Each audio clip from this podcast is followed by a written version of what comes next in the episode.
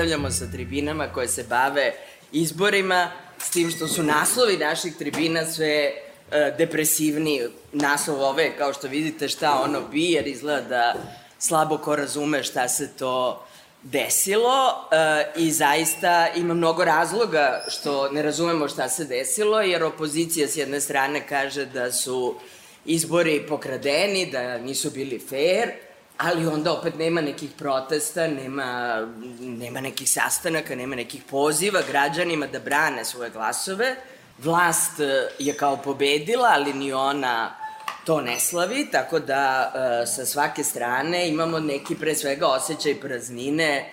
Stevan je pošteno rekao da je bio zbunjen, ali istovremeno nam je ostavio ovaj prostor za optimizam, rekao si monolit je načet, više neće biti isto posle izbora. Kako ti sad to izgleda? Evo, koliko je prošlo vremena?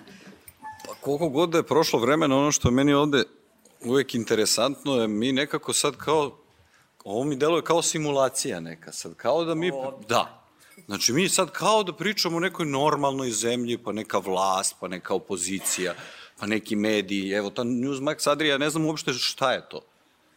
Mislim, čije je to mediji? Isto United mediji. Isto United mediji, okej. I onda sad, eto, to, a to je najmanje problematičan medij, verovatno. Dakle, imamo Pink kao državno glasilo, imamo 2012. kao neki ključnu godinu kada je, nažalost, ipak većina građana odlučila da živi u nečemu što nije slobodna država. I imamo apsolutnu ili skoro pa apsolutnu vlast, jedan potpuno, ajde da kažem, kako je rekao onaj mađarski sociolog Balint Mađar, neke mafijaške države. Dakle, nešto što je privatna firma, više privatna firma nego država, gde se normalizovao informer, gde se normalizovao srpski telegraf, gde se je Pink, ono što u stvari zauzima mesto koje bi trebalo da zauzima RTS, i u toj klimi, dakle u jednoj potpuno degradiranoj nekakvoj to privatnoj firmi, mi sad pričamo kao da li su izbori bili ok ili nisu. Ma ljudi, Mislim, to je sve simulacija. Pa dobro dakle, simulacija, ali čekaj, prošle... U toj simulaciji... Ali na prošle okay, put smo okay, rekli okay. simulacije, pa je bojkot. Ok. E sad smo rekli, Mislim još da... je veća simulacija, ali izlazimo. Da. Dakle, šta sad u toj situaciji? U toj situaciji nema genijalnih rešenja. U toj situaciji će opozicija da bude po meri diktatora a bit će po meri diktatora zato što ne postoje institucije na kojima je predarno radio da ih uništi od 2012. na sve načine koji su mu bili do, dostupni do danas. I u tim degradiranim institucijama vi imate jednu polarizaciju, binarnu u stvari podelu, gde imate razgovor o diktatoru, a nemate razgovor o politici. Mi nemamo platformu gde pričamo o politici i političkim rešenjima i politikama koje zastupaju ove ili one partije u javnoj sferi, zato što javna sfera ne postoji. Javna sfera je Vučić.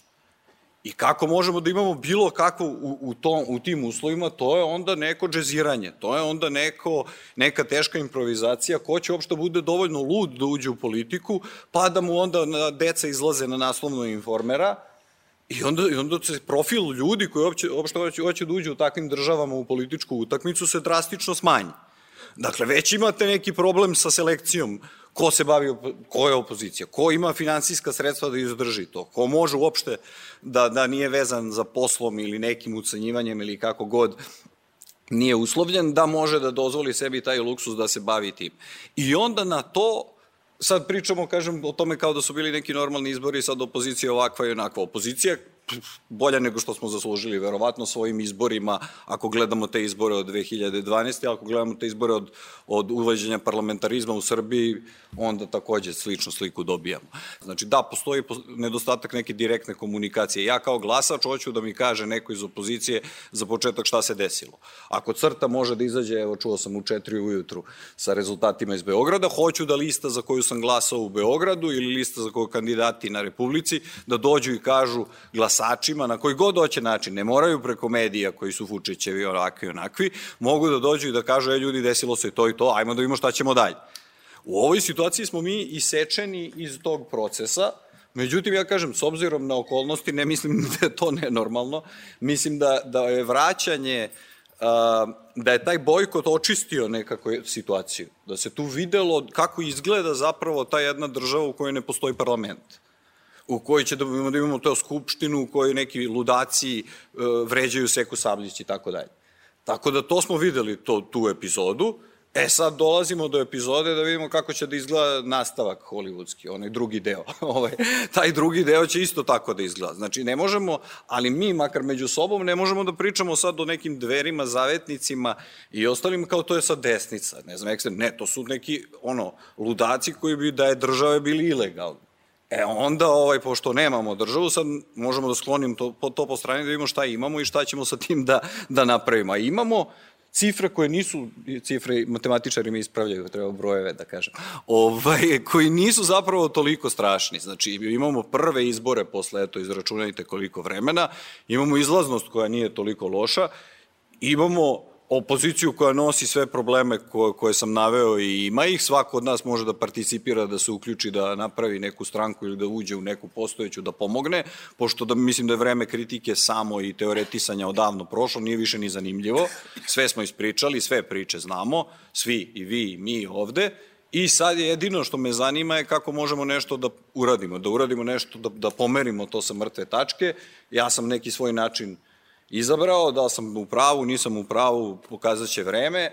Ovaj, šta će dalje da bude, zavisi od toga koliko imam sagovornika da pričam s njima stvarno, lišen svih ovih eufemizama i oblandi, e, šta nam je polazna tačka. Pa onda iz tog razgovora onda možemo da dođemo do nekih zaključaka bez ikakvih iluzija. Ti si u prvim tekstovima u Peščaniku doveo u pitanje čitav niz mitova o izborima, uključujući ovo što je sad pomenuto jer se govorilo što je veća izlaznost, to opozicija pobeđuje, pokazalo se da ne nužno. Pokazalo se da Srbija, kao ti pišeš, nije toliko podeljeno društvo, nego je dosta, boga mi, homogeno. Bio si vrlo kritičan i prema opoziciji, pa si sad optimista. Desi. Optimista sam zato što je očigledno da se o budućnosti Srbije neće odlučivati ovde. Pa sam utoliko ovaj, ima razloga da se nadamo da možda i ne ispadne tako loše koliko bi moglo da bude. Ne bude odlučilo u Moskvu. Pa, to je sad to, da, od, možemo, do toga ćemo stići. Ajde nekoliko, nekoliko stvari. Prva stvar, to da je Srbija radikalno desno nastrojena, ne izlači se taj zaključak iz toga što su, ne znam, dveri zavetnici ušli u parlament, nego se izlači iz jedne vrlo jasne činjenice iz izborne kampanje, a to je ne smete da pominjete ništa što ima veze sa 90-ima i ne smete da kažete da ste protiv napada Rusije na Ukrajinu, a taman posla da vam padne na pamet da ste za uvođenje sankcija Rusiji. Dakle, ne koliko je ko dobio glasova, nego to da na celom političkom spektru nemate apsolutno ni jednog aktera. Najdalje su dobacili moramo, koji su rekli da osuđuju napad Rusije na Ukrajinu, ali i njih kad su pitali o sankcijama, oni su rekli pa vidjet ćemo. Tako ja zaključujem. A 90. apsolutno ni moramo ne sme da otvori kao temu na izborima. Tako da To vam govori da smo mi jedno poprilično homogeno društvo, da postoji jedan prilično jasan konsenzus oko nekih bitnih stvari. Ja sam ih registrovao kao bitne te taj odnos prema jeli, prošlosti iz 90-ih i prema ratu u Ukrajini. Druga stvar je da li ima razloga da budemo razočarani opoziciji uprko svemu ome što je Stevan vrlo tačno i, i precizno opisao. Naravno da imamo Stevan. Naravno da imamo razloga da budemo razočarani. Ne zato što su napravili te brojeve koje su napravili, nego zato što nisu napravili ono što nisu uspeli da napravili u proteklih 10 godina, ni u proteklih 20 godina. I ako ti 20 godina ne možeš ništa da napraviš, onda se ti pitaš, pa čekaj malo, što se više baviš tim poslom? Daj, nemoj više da se igramo toga. Pa evo, čekaj prvo da vidimo šta nisu uradili, pa ćemo onda da vidimo ko će time da se bavi. Evo o čemu se radi. Vi niste izašli na izbore 2020. jer ste rekli da režim krade, u redu krade. Pritom je jako zanimljivo, crta izašla sa, jeli, na osnovu uzorka i rekla da izbori u Beogradu zapravo ono što je crta izašla sa, jeli, svojim uzorkom i procenila kakvi će rezultati biti, ti rezultati su potvrđeni kada su izbrojeni glasovi. Dakle, teško da možemo sada da pričamo da je bilo neke krađe u Beogradu. Pitanje je da je bilo krađe i u Srbiji u onom smislu da je neko došao i ubacivao glasove besomučno u glasačke kutije i sve ostalo. Ali stoji da izbori u Srbiji nisu fair, a svakako bi mogla da se priča o tome da li su slobodni ne zbog onoga što se dešava na sam dan izbora, nego zbog mnogih drugih stvari kao što je pritisak na ljude jeli, koji su zaposleni u državnim službama ili u velikim privatnim kompanijama koje rade sa režimom, zbog toga što su sve, ali apsolutno sve ustanove uzurpirane i vi onda zaista nemate uslove ni za fair, Daleko od toga da su fair, ali pitanje je zaista i da li su, da li su, da li su slobodni izbori. Ali sve smo to znali 2020. Zašto opozicija odlučuje da izađe 2022. na izbore i onda nam posle tih izbora kaže da je sve isto kao i 2020. Ja sam razmišljao i jedina dva razloga koje sam ja mogu da nađem za opoziciju, odnosno tri razloga, to je veliki pokret koji se dogodio u vezi sa Rio Tintom, koji je zaista davao nadu da se ljudi rešili da nešto urade u vezi sa svojim životima. Druga stvar je smanjenje cenzusa na 3 I treća stvar je, pomislio sam da možda sad ovaj put mogu da kontrolišu izbore. Šta se pokazalo? Ovaj pokret oko Rio Tinta se raspao, jeli kad je udario tu hrid rata u Ukrajini. Ova stvar sa cenzusom od 3% je radila i dalje, a kontrolu izbora opozicija očigledno nije imala ni ovaj put. Dakle, od tri razloga zbog kojih su izašli na izbore, najmanje dva imaju veze sa samom opozicijom i opozicija to nije znala da reši. Ako ne možeš da kontrolišeš izbore, a izašao si na izbore, nemoj da pričaš o krađama, jer ako nemaš kontrolore, ne možeš da dokažeš krađu. Dakle, nemoj govoriti ljudima da su pokradeni, jer sledeći put neće izaći na izbore. A ako kažeš da su pokradeni, moraš da izađeš sa činjenicama. Nemaš činjenice, vičeš da si pokraden, gotovo je, sledeći put nećeš izvesti ljude na izbore. Dakle, ja sam razočaran ne zbog brojeva. Mislim, stvarno, bio bi najvan svako ko se nadao da može, ne znam, da ruši Vučića na predsjedničkim izborima ili da u parlamentu može nešto da uradi. Ali to da opozicija posle 10 godina nije u stanju da kontroliše izbore, to je stvarno ozbiljan problem. Mi možemo da pričamo pojedinačno o svakoj stranci kako su se javljali izborne noći ako su se uošte javljali. Pa i nekima su pale aplikacije, neki su otišli posle odmah pre ponoći, otišli kućama, vi imate kontrolore koji su radili jeli, za te stranke, onda nisu imali kome da jave rezultate sa svojih biračkih mesta. Imate druge kontrolore koji nisu znali da treba da slikaju zapisnike. Nema, nema koristi od tog kontrolora. To je kao da ga nemate.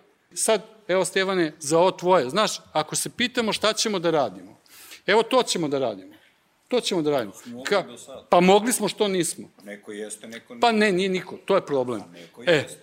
to su neki E sad, izbori za šest meseci, ja stvarno ne znam, to, kako bih vam rekao, s ovom opozicijom, u ovom organizacijalnom stanju, kako mi ona sada, tražiti izbore za šest meseci, to nije pametno. Ali čekaj, zašto ti misliš da to predsednik predlaže? Jel se pa ti slažeš s ovim što smo što čuli to, da je to, nje, pa to, u njegovu korist? To, pa naravno da ide u njemu korist. Prvo, zato što jedini zadovoljni birači, to je ono što SNS radi posle svakih izbora, on čini svoje biračima, svoje birače čini srećnima.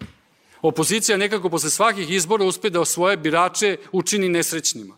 Zna, i onda oni drže, to svoje biračko telo drže uz sebe, uz mnoge druge stvari koje drže uz sebe, naravno mimo svakog zakona i svakog jeli, pristojnog ponašanja, ali, ali opozicija je postala katastrofalne poruke posle izborne noći, u, u izbornoj noći i posle nje. Drugo, raspali su se u roku od sekunde posle izbora. Dakle, sve što je opozicija slala biračima posle izbora bile su loše poruke. Ko će lakše i bolje mobilisati svoje birače za nove izbore?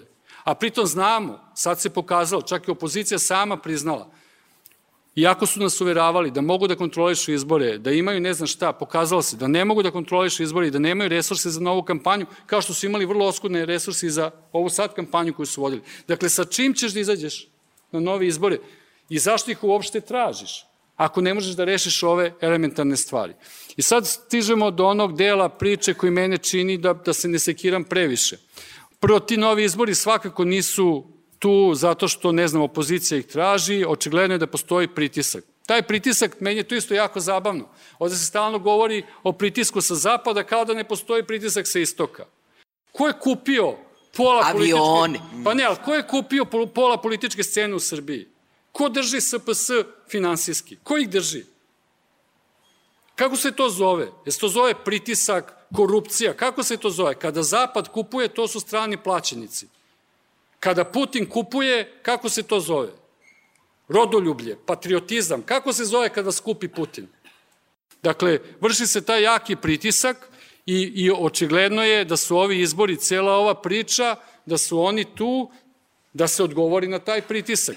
Ja mislim, druga zabluda koju mi imamo, to je da na zapadu sede neki pametni ljudi. Pa mislim ne sede. Taj ko se dosetio da vrši pritisak na Srbiju tako što će napraviti nove izbore za šest meseci, ajde da tako kažemo, poprilično glup. Dakle, ako možeš da vršiš pritisak, vrši pritisak odmah i vrši na onoga koji jedini može o tome da odlučuje u ovom trenutku u Srbiji. A nemoj da nas zamajavaš novim izborima. Jer će ovo malo opozicija što je nešto uzela na ovim izborima, što nije loše, dobro je da su uzeli, pa će možda da se opamete, pa će možda s tim novcima da podignu neke odbore, pa će da angažuju neke ljudi sve. Ima nade u tom smislu jer će sad opozicija posle nekog vremena prvi put dobiti neka sredstva s kojima može da radi, a nije ih imala, bar ne od države direktno. Tako da, ti sad hoćeš kao, ne znam, da uradiš nešto, onda guraš tu nesrećnu opoziciju ponovo na izbore da izgubi to malo što je dobilo. Dakle, nije pametno. I ne bi trebalo da bude tih izbora uskoro.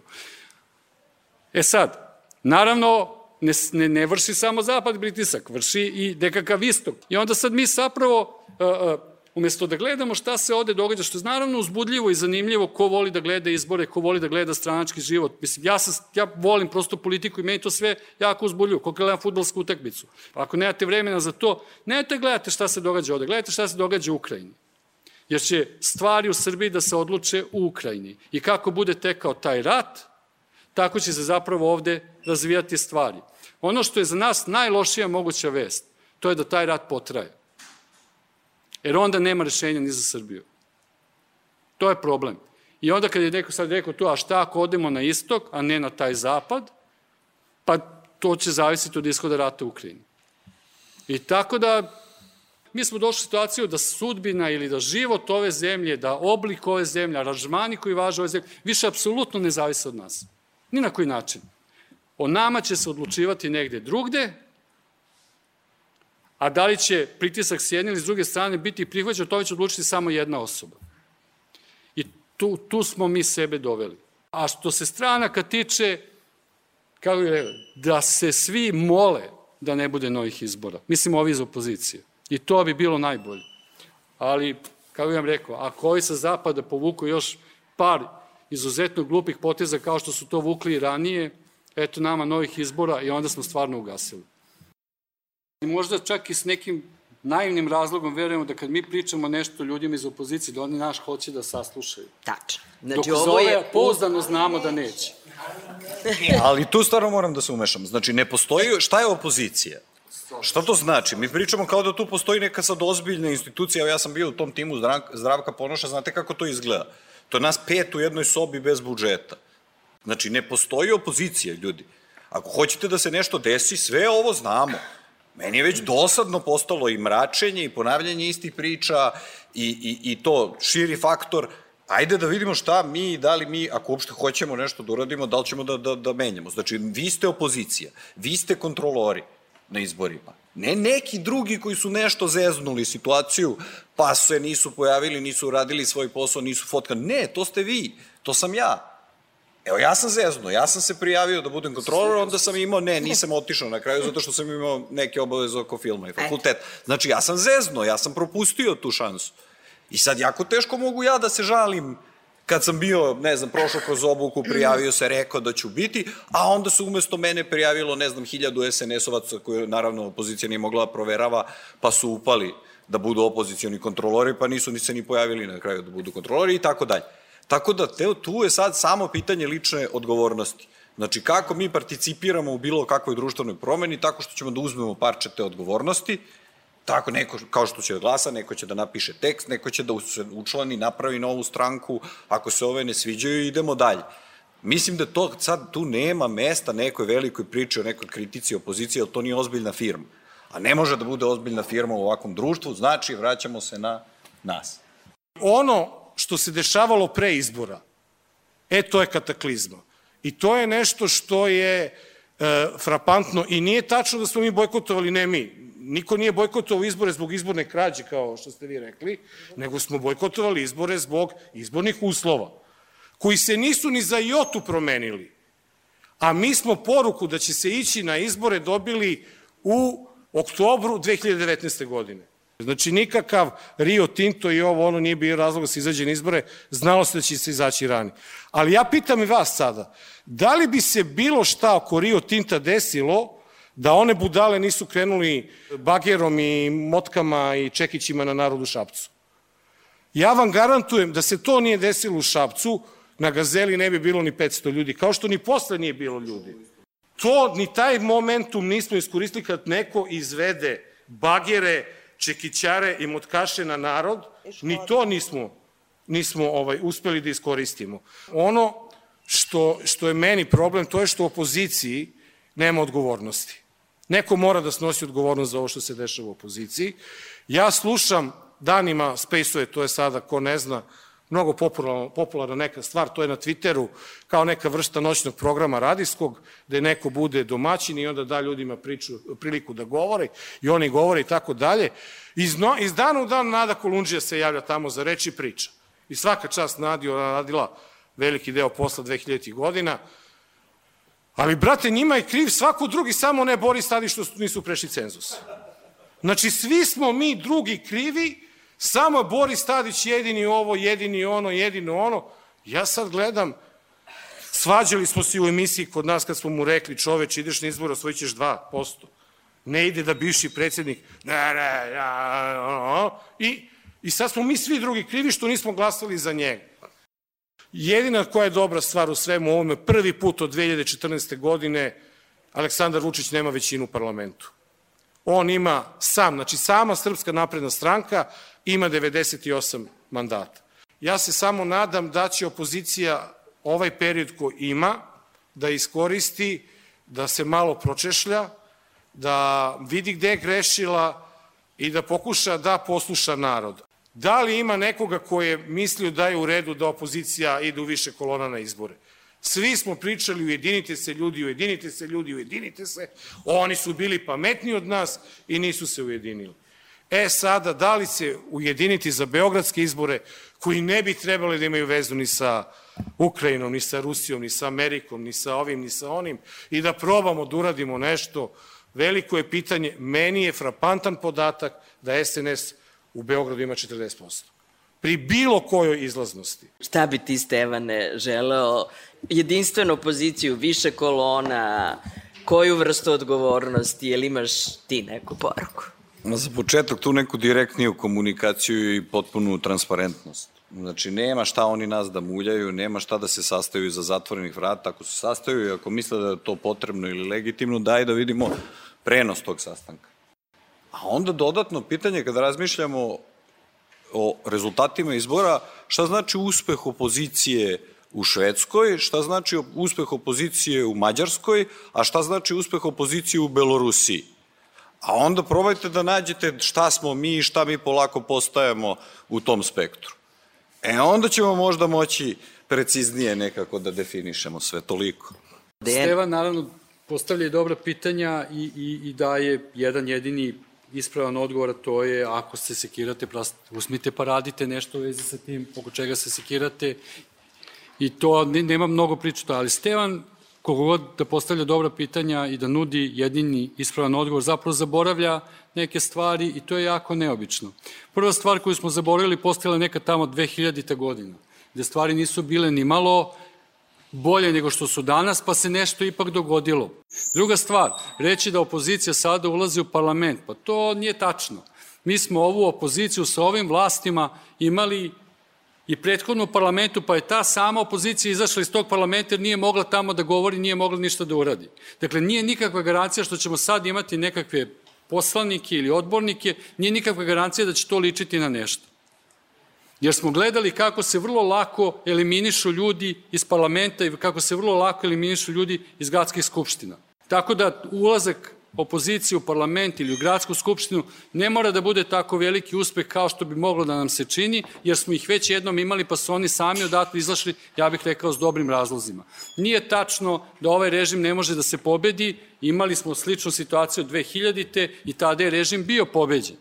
Nemojte pogrešno da me razumete kada insistiram na kontrolorima i na kontroli izbora. Mislim, to je u redu da se bude cepidlaka i sve to, ali gledajte šta znači zapravo kontrolor.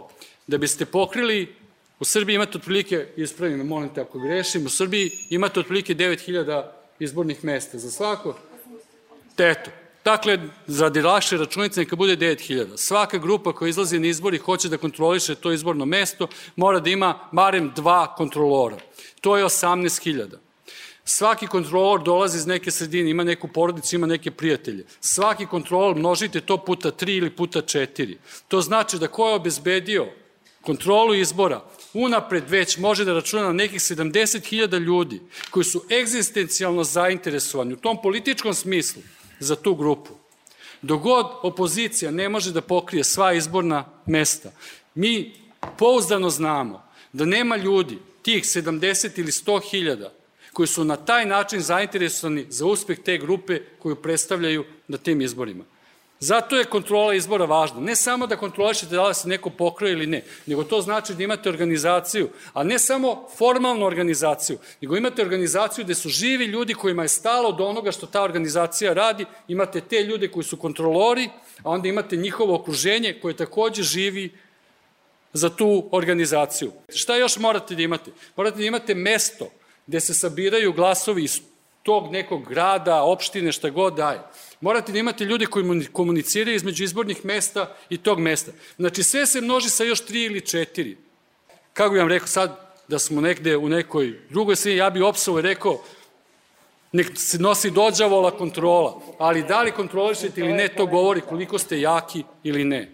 I onog trenutka kad niste u stanju da kontrolišete izbore, moj, moj, moj predlog opozicije, nemojte da nas vučete za nos, kažite možemo ovoliko, ovde smo sigurni, uradit ćemo to i to, ovo nemojte da se zanosite, ovo nam je siva zona, ništa tu ne možemo da uradimo. Način da pobedimo Vučića je veoma jednostavan. Od ovog trenutka krenuti u kampanju za, u proteste, u sve živo za promenu izbornog sistema. Ne može na lokalu za početak da se biraju lokalne vlasti na način na koji se danas biraju glasanjem za Aleksandra Vučića. Na lokalu moraju ljudi da se biraju imenom i prezimenom i između ostalog zato je koalicija Možemo u Zagrebu pobedila samo malte ne na internetu, jer se glasalo za čoveka imenom i prezimenom. Kad napraviš taj prvi korak i kada promeniš to, što su opet ovi naši menjali jer im nije odgovaralo, mi da imamo izbore po imenu i prezimenu, mi bismo dobili odavno lokale.